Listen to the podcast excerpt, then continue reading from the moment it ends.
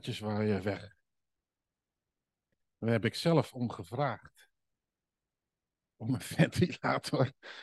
Maar nou waaien mijn, blaadjes weg. Het, het komt wel goed, eh, Chris. Maar, dus ik vind het wel heel fijn, maar die blaadjes die waaien weg. Dus, ja, we, gaan het gewoon proberen. Is, um, was 18 juli jongstleden dat ik onderweg was hierheen. En dat ik ergens op, uh, nou, net een uur rijden van, uh, van mijn huis een melding kreeg in mijn scherm dat ik beter kon stoppen. Dat voelt dan wel heel raar hoor, moet ik heel eerlijk zeggen, want je bereidt je voor. Ik ben er biddend mee bezig om een boodschap te brengen voor de gemeente hier in, in, Gent. En er lag echt wel iets op mijn hart. En ik vond het wel apart. Ik denk, wat, wat raar eigenlijk. Dus heb ik misschien niet de goede boodschap dat de Heer me gestopt heeft? Of... Nou, de, ik ga niet allemaal details vertellen over die dag. Um, maar uiteindelijk ben ik hier vandaag en de afgelopen dagen heb ik mij voorbereid en ben echt serieus bezig geweest met de vraag: Heer, moet ik nou dezelfde boodschap brengen als ik die had voorbereid? Of moet ik een andere boodschap brengen die u wilt voor deze dag? Het was voor mij geen seconde aarzeling om de boodschap te brengen die ik voorbereid had voor 18 juli. En ik moet je zeggen dat uh, ik vond het wel op zich bijzonder dat toen ik hierheen reed, had ik even een kort moment van uh, spanning en stress. Toch niet weer, hè? ken, je, dat? Dat je dezelfde plek, kwam langs de benzinestation waar het stilgestaan had. En ik, ik zat toch echt op een schermpje te kijken, het zal toch wel, uh, wel goed gaan. Maar toen heb ik voor gekozen om in de rust van God te blijven en te zijn. En ik zette een liedje aan, een muziekje aan. En dat was Welkom thuis. En dat hebben we er net gezongen. En dat vond ik eigenlijk wel heel bijzonder. Dat trof me, trof me wel. En terwijl we dat aan het zingen waren, was het net alsof de Heer tegen me sprak. En ik weet niet of het voor iemand is, dat weet ik niet. Maar het was wel dat, dat de Heer tegen mij zei dat dit lied ook vandaag voor iemand is hier. Die uh, dat op de een of andere manier nodig heeft om het te horen. Je bent, je bent welkom. Je bent, je bent welkom in dit huis. Je bent welkom bij God. Dus je bent welkom vandaag, maar je bent ook welkom morgen. Je bent altijd welkom bij Hem. Hij staat altijd klaar om je met open armen te ontvangen. Dus ik dacht tijdens dat lied, denk, nou, ik begin er gewoon mee om dat uh, even te delen. Van oké, als je het voor jou is, wees bemoedigd daarmee. We gaan vandaag een enkele tekst lezen uit uh, de eerste brief van Johannes ga zo dadelijk doen, maar ik wil eigenlijk eerst even kort iets delen over de schrijver van de brief. Schrijver van uh, deze brief, Johannes, is een discipel. Die heeft met de Heer uh, Jezus gewandeld hier op aarde. Hij heeft een aantal jaren met hem opgetrokken, heel persoonlijk.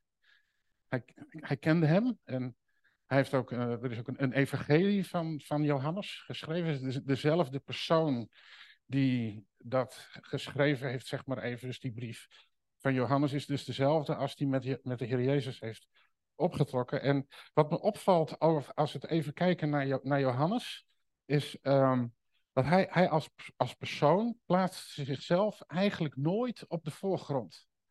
Als hij, um, um, kun je in zijn evangelie ook lezen, dan zegt hij nooit van, uh, kijk eens, hier ben ik. Het is altijd, kijk, um, de discipel die Jezus lief had. En dat, dat gaat dan over hem. Hij zal nooit zijn eigen naam op die manier uh, naar voren brengen dat hij, is, dat hij belangrijk is of zo. Is heel, heel, heel anders dan bijvoorbeeld Petrus, discipel Petrus, die zegt van, uh, als alle aan uw aanstoot nemen, ik nooit hoor. Dus die zijn heel, twee heel verschillende persoonlijkheden. En, maar het waren allebei discipelen van de Heer Jezus. Dus dat, trof me wel. Dat ik dacht van, oké, we zijn soms ook als personen zo heel verschillend. En, maar je, je bent welkom bij Jezus. Je mag altijd bij hem zijn en bij hem blijven. En Deze Johannes, die is uh, discipel, die heeft een, een, een, een heel aantal jaren gefungeerd als, zeg maar, als, als een van de oudsten in de gemeente in Jeruzalem, die ontstaan was nadat de Heer Jezus naar de hemel was gegaan en de Heilige Geest was uitgestort.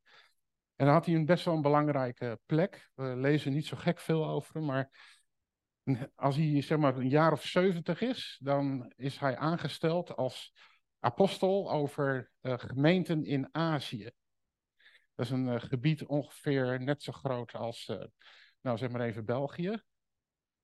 En uh, daar in dat gebied waren zeven gemeenten en daar was hij verantwoordelijk voor. Hij had daar dus een, zeg maar, een soort van leiderschap over die gemeenten. En in die tijd, dat, dat hij daar dus overziener was, zeg maar even, over al die gemeenten, waren er allerlei stromingen die invloed hadden in die verschillende gemeenten. En een van die stromingen, die bracht de mensen, de gelovigen, eigenlijk een beetje in twijfel of de Heer Jezus nou echt wel gestorven was als redder en Heer en Heiland voor al onze zonden. En dan is het Johannes die dus een, een, brief begint te schrijven aan die gemeenten, om hen erop te wijzen dat dat een dwaalleer is. Nou, om het, om het dus even naar onze tijd te, te verplaatsen, even naar onszelf. Je zou het als het ware die brief kunnen lezen, geschreven aan jouzelf, waarin deze uh, Johannes, deze persoon die zichzelf echt niet per se heel belangrijk op de voorgrond wil plaatsen, deze integere, rustige man, die, uh, die wil je eigenlijk bemoedigen door je te wijzen op uh, je identiteit. Dus Christine, je had net ook, een, dat noemde jij ook in jouw uh, verhaal over de ETS, dat het ook over identiteit gaat, over wie jij bent. En um, eigenlijk, eigenlijk zegt, zegt Johannes keer op keer weer van luister, waar, het om gaat is dat je weet wat je identiteit is. En dat je vanuit die identiteit in het rechte spoor blijft wandelen, zoals ik je heb verteld en ik zelf heb meegemaakt, wat ik zelf gezien heb van Heer Jezus zelf. Dat is eigenlijk even de, in, in korte lijnen de boodschap van deze hele brief. We gaan natuurlijk niet de hele brief lezen, we lezen één, één vers.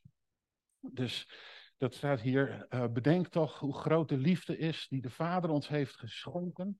Wij worden kinderen van God genoemd en dat zijn wij ook. De brief van deze Johannes die gaat over twee dingen, wie wij zijn, onze status, onze positie. En het gaat over onze stijl, onze uh, levenswandel. Je zou kunnen zeggen onze conditie. En dan met name waar hij naar kijkt, is hoe die twee, onze status en onze stijl, met elkaar in overeenstemming zijn. Die woorden status en stijl, dat zijn uh, twee woorden die uh, voor mij in het begin van mijn christenleven, toen ik net tot bekering was gekomen, uh, best heel belangrijk zijn geweest en eigenlijk nog steeds wel. Status en stijl. Het was namelijk zo dat ik als, als, als, als jongere, kwam, was tot geloof gekomen, had de Heer Jezus aangenomen in mijn leven. En ik ging toen naar een jongerenweekend. Jongerenweekend in, uh, in Zeeland, Burghaamstede. En uh, daar sprak op dat jongerenweekend een, een jongere spreker, Fred Quint. Ik denk, denk, niet dat iemand van jullie misschien ooit wel eens van hem gehoord heeft, denk het niet. Maar het is uh, ook al heel lang geleden. Natuurlijk al wat ouder inmiddels. Hè? en, maar ik vergeet het nooit meer. Ik zie het nu nog voor me, de hele setting. En ook de persoon die daar stond te spreken over status en stijl. En hij gebruikte een voorbeeld en dat voorbeeld wil ik vandaag met jullie delen, want het heeft mijn hart ontzettend geraakt. Hij gebruikte het voorbeeld van het sprookje van Assepoester. Ik denk dat de meesten van ons dat sprookje wel kennen van uh, de, de, de werkster die eigenlijk alleen maar als een soort van slaaf uh, haar leven had ingevuld. En dan is daar een prins en die prins die trouwt met haar. En op dat moment dat, die, dat zij dus met de prins trouwt, dan gaat zij deel uitmaken van, uh, laten we zeggen, van het koninklijk gezin. En Fred Quint die zei, eigenlijk begint het verhaal daar pas. Daar waar het sprookje eindigt, daar begint het eigenlijk pas voor Assepoester. Want ze moest leren wat het betekende om zich te gedragen als een prinses. Jarenlang had ze in een positie geleefd van werkster, van slaaf. En ze was gewend om zich op die manier te gedragen, lopend met een stofdoek door het paleis om te kuisen, heb ik vandaag geleerd. Bij, het, uh, bij de, die, die, die, die riooldingen moesten gekuist worden. Ik denk, oh, dit woord ga ik gebruiken, dan weten jullie wat ik bedoel. Was gewend om, um, nou ja, bij wijze van spreken, even snel een, een, een, een snelle hap naar binnen te eten. Precies genoeg tijd voor, voor even kort een hapje. Maar nu was ze uitgenodigd om deel te nemen aan het grote banket. En dan zat ze daar aan de tafel en dan was er een, een bord met een hele batterij aan bestek. Wist zij veel waar ze moest beginnen, aan de buiten- of aan de binnenkant. En dan begon ze dus aan de verkeerde kant en dan zouden de tafelgenoten naar haar te kijken. En dan zei de prins, ze moet het nog leren. Telkens opnieuw, als ze bezig was om door het paleis te lopen en ze weer dingen deed die eigenlijk helemaal niet pasten bij haar status als kind van de koning geworden. Telkens was daar de prins die haar hielp om juiste gedrag te doen. Hoe zit het nou eigenlijk met ons? Hoe zit het met u, met mij? Wat is onze status? Wat is onze positie? En is onze stijl, ons gedrag ook daarmee in overeenstemming? Nou, we hebben het net, je kunt het hier ook lezen. Onze, onze positie, onze status is die van een koningskind. Als je een kind geworden bent van God, dan ben je een kind van de koning, een kind van de Allerhoogste geworden. Je bent een kinder, kind van God geworden. En zo word je niet alleen genoemd, dat ben je. Dat is identiteit. Dat is wat je bent. Je bent een kind van God. Voor we daar verder op ingaan, wil ik even langs deze tekst lopen zoals het er staat. Er staat bedenk. Bedenk toch. In andere vertalingen er staat zie. Kijk daar goed naar. Je zou kunnen zeggen, hou dat heel scherp in de gaten. Hou dat elke dag weer opnieuw voor ogen. Bij wijze van spreken, als je s'morgens wakker wordt en je gaat naar de badkamer en je staat voor de spiegel, dan kun je in de spiegel kijken en tegen jezelf zeggen: Hier sta, kijk ik nu naar een kind van God. Dat is wie ik ben. Elke dag opnieuw kun je dat voor ogen houden. Zie, kijk daarnaar, hou het scherp voor ogen. Wat hou je dan voor ogen? Hoe groot? Hoe groot? We, zijn, we hebben de neiging om dan vooral te denken naar, aan afmetingen. Maar als we kijken naar wat het woordje meer, meer betekent dan alleen maar de afmeting, gaat het ook vooral over de inhoud. Over dat wat het betekent. Dus niet alleen maar de, de, de, de rijkwijde, tot hoe ver dat het gaat. Nee, het, gaat veel meer, het is nog veel meer dan dat. Het gaat over de aard ervan, over het karakter van die liefde. Andere vertalingen, ook in het, in, het, in het Engels en andere vertalingen, staat er bijvoorbeeld verbazingwekkend. Kijk toch, als je s'morgens wakker wordt, in de spiegel naar dat kind van God.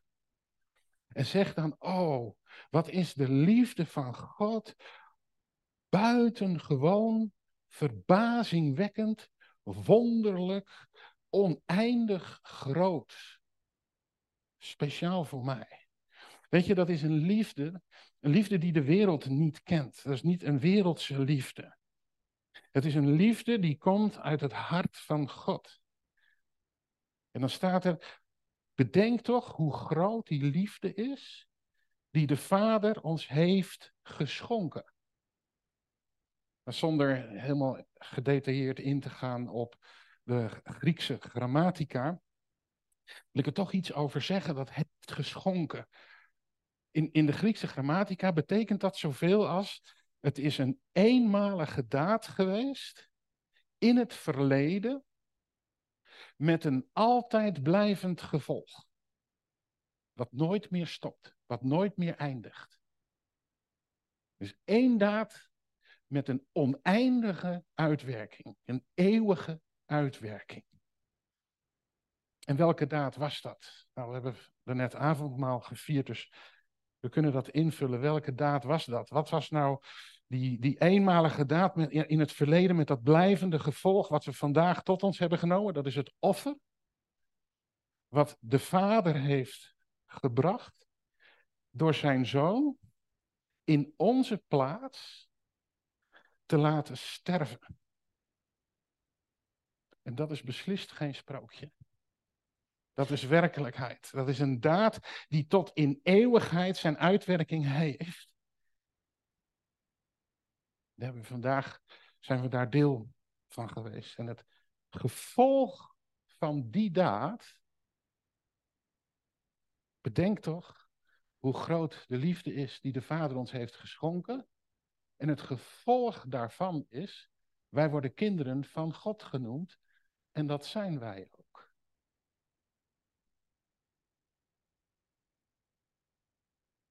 Wat betekent het om een kind van God genoemd te worden en het ook nog zijn? Wat betekent dat voor jou? Wat betekent dat voor ons? Wat betekent dat vandaag? Dat je een kind van God genoemd wordt. Dan kunnen we er een, een boekenkast over vullen natuurlijk, met alles wat daarover te zeggen is. Maar ik heb voor vandaag twee dingen eruit die ik echt op mijn hart had gekregen om ook echt met jullie te delen. Het eerste is, een kind van God zijn is meer dan gered zijn. Het is meer dan redding. Het kostte hem zijn zoon om ons te redden van de zonde, van de dood van de hel.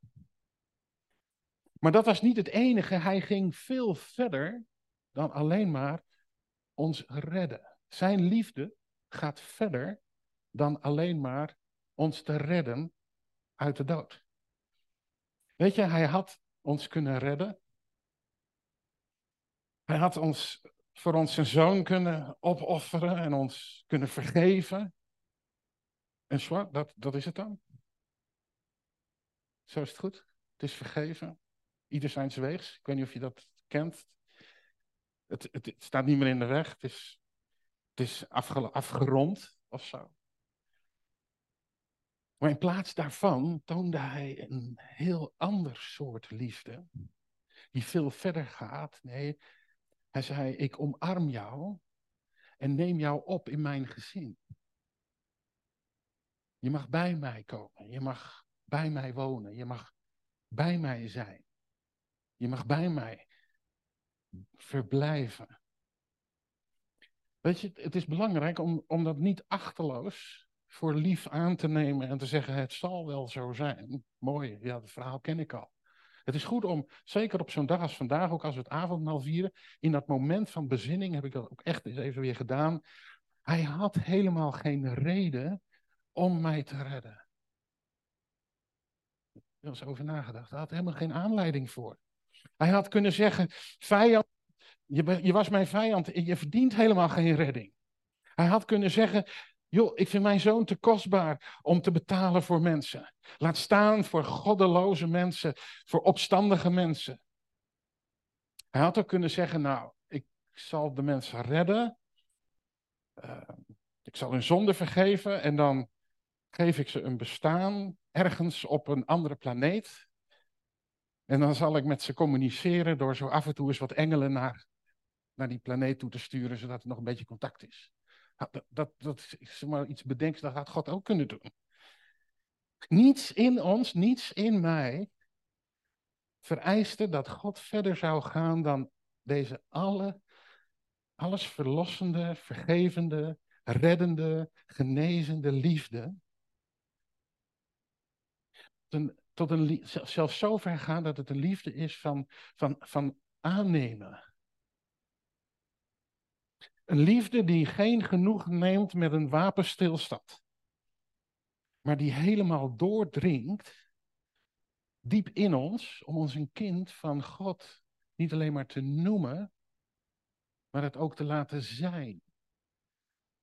Ik vind het zo bijzonder dat God dat doet in ons leven.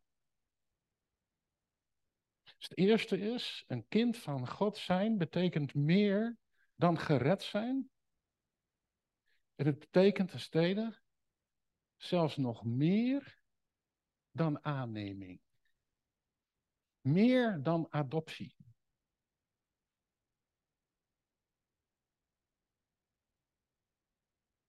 Als Johannes schrijft over dat wij kinderen van God worden en geworden zijn en genoemd worden, dan denkt hij niet in de termen van adoptie zoals wij dat kennen. Apostel Paulus die schrijft in Romeinen 8 wel over aanneming, maar Johannes heeft het hier over iets diepers. Hij heeft het hier over een nieuwe geboorte. Iets wat in ons leven geboren wordt, opnieuw geboren wordt. Het is heel erg moeilijk om daar in menselijke begrippen iets over uit te leggen of je voor te stellen, maar ik dacht, stel je nou eens voor, beeld jezelf in dat je een kind in huis neemt. Mijn, mijn vrouw is uh, pleegzorgwerker, die heeft heel veel mee te maken met pleegkinderen die in een, in een huisgepleid, in een pleeggezin geplaatst worden. Misschien ken je iemand in je omgeving die een kind heeft geadopteerd. En als, als we dat zouden doen, dan komt er dus een kind in ons huis wonen. En we kunnen ongelooflijk veel voor dat kind betekenen. We kunnen dat kind liefde geven. We kunnen dat kind helpen om een plek te vinden in de maatschappij. We kunnen dat kind alles verzorgen wat het nodig heeft. Dat, dat kunnen we allemaal doen met, met dat kind. We kunnen grote invloed uitoefenen op dat kind, maar één ding kunnen jij en ik niet. We kunnen niet de natuur van dat kind beïnvloeden. Want je bent en blijft niet de biologische, natuurlijke ouders. Dat blijven altijd twee andere mensen. Maar als, als, als Johannes het hier heeft over kind van God zijn, dan zegt hij daarmee, God doet dat wel. Hij komt in ons op bovennatuurlijke manier met zijn geest zodat er iets van zijn natuur in die van ons terechtkomt. En dat is waar de Bijbel het vaak ook over heeft, over onze menselijke natuur en onze geestelijke, onze goddelijke natuur. En Johannes die spreekt dat hier dus aan en hij, ga even terug naar het begin, hij heeft dus over, oké, dat is je positie. Dat is je status. Je status is dat je een kind van God genoemd wordt en het ook bent. Dat is je, de, de, de, natuur van God in jou en mijn leven. En dan, dan zegt Johannes van ja, um, waar het nu op aankomt, is dat je dus gaat leven vanuit die goddelijke natuur, die geestelijke natuur die in jouw leven is gekomen. Hij legt als het ware zijn geest in ons en begint in ons een veranderend werk van binnenuit, dat ons steeds meer vormt naar de familiegelijkenis, laat ik, me, laat ik het maar even zo benoemen, zo, zo, zoals we uh, uh, misschien net, net als Assepoester moeten leren om te leven in die status. Christine zei het zo mooi van, je, je, je, je begrijpt niet meteen alles, maar gaandeweg ga je steeds meer begrijpen. Nou, zo, zo, zo is het ook eigenlijk op het moment dat je de geest van God in je leven hebt ontvangen, dan zijn die twee naturen dus in je leven aanwezig. En dat betekent dat je dus gaat leven telkens weer opnieuw met een keuze van waar leef ik nou uit? Welk, welk, welk geef ik nou het meeste voeding? Van waaruit wil ik leven? Wil ik leven vanuit mijn menselijke natuur? Of wil ik leven vanuit de goddelijke natuur?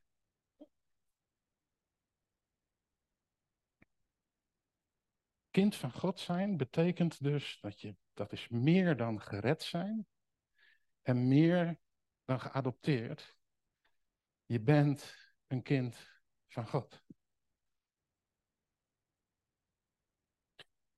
Als we lezen in Romeinen 8, vers 14, daar wordt dat ook bevestigd door apostel Paulus. Die schrijft, kinderen van God worden geleid door de Heilige Geest. Er staat, allen die door de Geest van God worden geleid, zijn kinderen van God. Dat betekent een kind van God zijn, is dat je zo één geworden bent met God, verenigd bent met Hem, verbonden bent met Hem, dat Hij in ons is en ons leidt.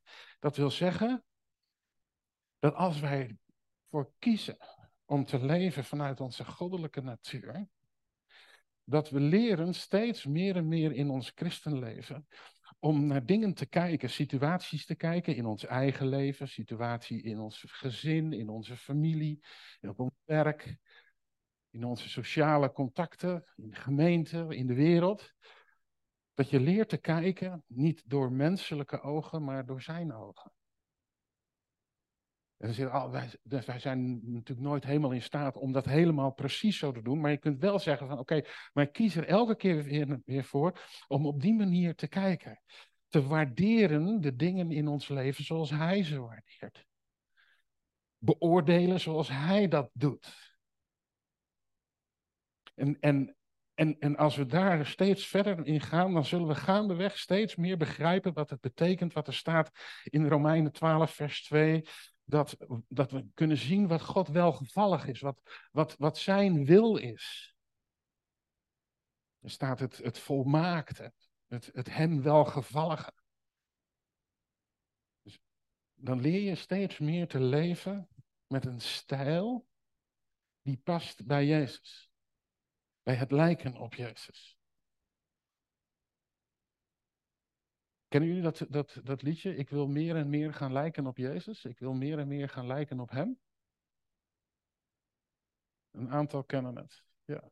Dus het zit heel vaak in mijn hoofd. Ik wil meer en meer gaan lijken op Jezus. En dan word ik s morgens wakker en dan kijk ik in de spiegel. En dan denk ik, nou, nog een hoop te leren soms is het ook goed om eens terug te kijken en te bedenken van oké, hoe, hoe staat het er eigenlijk voor in mijn leven? Weet je, ehm, het, besef van je positie geeft een verantwoordelijkheid om je ook in die positie te bewegen en in die positie ook in overeenstemming te laten zijn met je gedrag. Dat mensen het ook herkennen en kunnen zien aan jou hoe je leeft, dat je kind van de Allerhoogste bent. Ik zal, ik zal een klein voorbeeldje geven. Ik hoop dat jullie het aankunnen. Ik was niet eerlijk geweest. Ik. Nou, nog niet iedereen valt nu van de stoel, het valt mee. Ik was niet eerlijk geweest tegen mijn vrouw. Iedereen blijft nog steeds zitten, gelukkig, maar het was niet heel groot, maar ik, ik, ik, ik, was gewoon heel dom. Het klopte gewoon niet wat ik zei. En dan moet je weten dat wij lopen, um, nou, meestal s'avonds, als ja, het werk gedaan is, dan lopen we vlak voor het eten nog even samen een half uurtje met, met de hond. En dan lopen wij hand in hand. Maar ik was niet eerlijk geweest. En ze was stil. Zo stil heb ik haar nog nooit meegemaakt. En ik deed mijn uiterste best om het gesprek op gang te houden. Alsof er niets gebeurd was. En ze zei helemaal niets. Het was, mm, ja. En dat duurde tot pak een beet een half uur na het eten. Dus ze was naar boven gegaan en ik zat beneden op de bank. En ik dacht, ja, hoe ga ik, hoe ga ik hier nou mee om? Past, is dit nou de stijl die past bij mijn status? Onze relatie was compleet verstoord. Er was geen harmonie meer. Het, we liepen wel hand in hand, maar het voelde zo onecht. Ik dacht, er is maar één oplossing. Ik moet het gewoon gaan zeggen. Dus ik ben naar boven gegaan en ik heb even aangekeken. En ik zei, ik citeer mijn eigen woorden. Ik ben niet eerlijk geweest, maar dat wist je al. En precies op dat moment, dat, dat, dat ik dat zei, kwam er rust, kwam er echtheid, kwam er vrijheid. Weet je waarom? De waarheid maakt vrij. Staat in Johannes 8, vers 32, dezelfde schrijver. De waarheid maakt vrij. Weet je, ik zou je van vandaag hiermee willen bemoedigen. Als je misschien in je hart wel eens twijfelt, in je gedachten wel eens dingen opkomen, die tegen je zeggen van nou, ik, ik weet zo net nog niet of je wel een kind van God bent. Als je misschien wel eens denkt, oh, ik heb het verprutst. Als je misschien wel eens gedacht hebt, ja, maar ik zit op sommige dingen in mijn leven nog zo vast aan mijn oude natuur, aan, aan, aan oud gedrag, gewoonten in mijn leven waar, waar, ik, waar ik mee worstel. Hij zal mij vast niet meer willen. Hij wil maar één ding. Welkom thuis. Hij wil maar één ding, dat je je positie kent en dat je zegt, oké, maar de waarheid is het woord van God. En de waarheid zegt, ik word een kind van God genoemd en dat ben ik ook. Daar wil ik je vandaag mee bemoedigen. Om niet, zoals Johannes, een hele groep gemeenten uh, aanschrijft en zegt van joh, laat je niet afleiden door allerlei dwaalideeën en gedachten. Dit is de waarheid. Je bent een kind van God. Amen. Amen. Oké, zullen we samen bidden? Heere God, willen u danken voor uw woord. Willen u danken, Hemelse Vader, dat we bij u altijd welkom zijn. Heer, en als soms dingen in ons leven spelen die ons aan het twijfelen brengen, of fouten die we gemaakt hebben, dan danken we u dat we bij u altijd welkom zijn. Dank u voor uw geest die in ons leven hebt gegeven, zodat we vanuit u kunnen leven. We danken u ook voor uw woord, waarin u zegt dat als wij onze fouten, onze miskleunen, onze verkeerde dingen, onze zonden beleiden, dat u dan trouw en rechtvaardig bent om onze zonden te vergeven en ons te reinigen alle ongerechtigheid. En Heer, ook op deze ochtend, als we avondmaal hebben gevierd, we het tot ons hebben genomen, een moment van bezinning hebben gehad, dan danken we u voor krachtige werk van uw zoon, wat volbrachte werk. U, Heer Jezus, de opgestane Heer, de levende. Dank u wel. Dank u, Heer, voor uw zegen. Amen.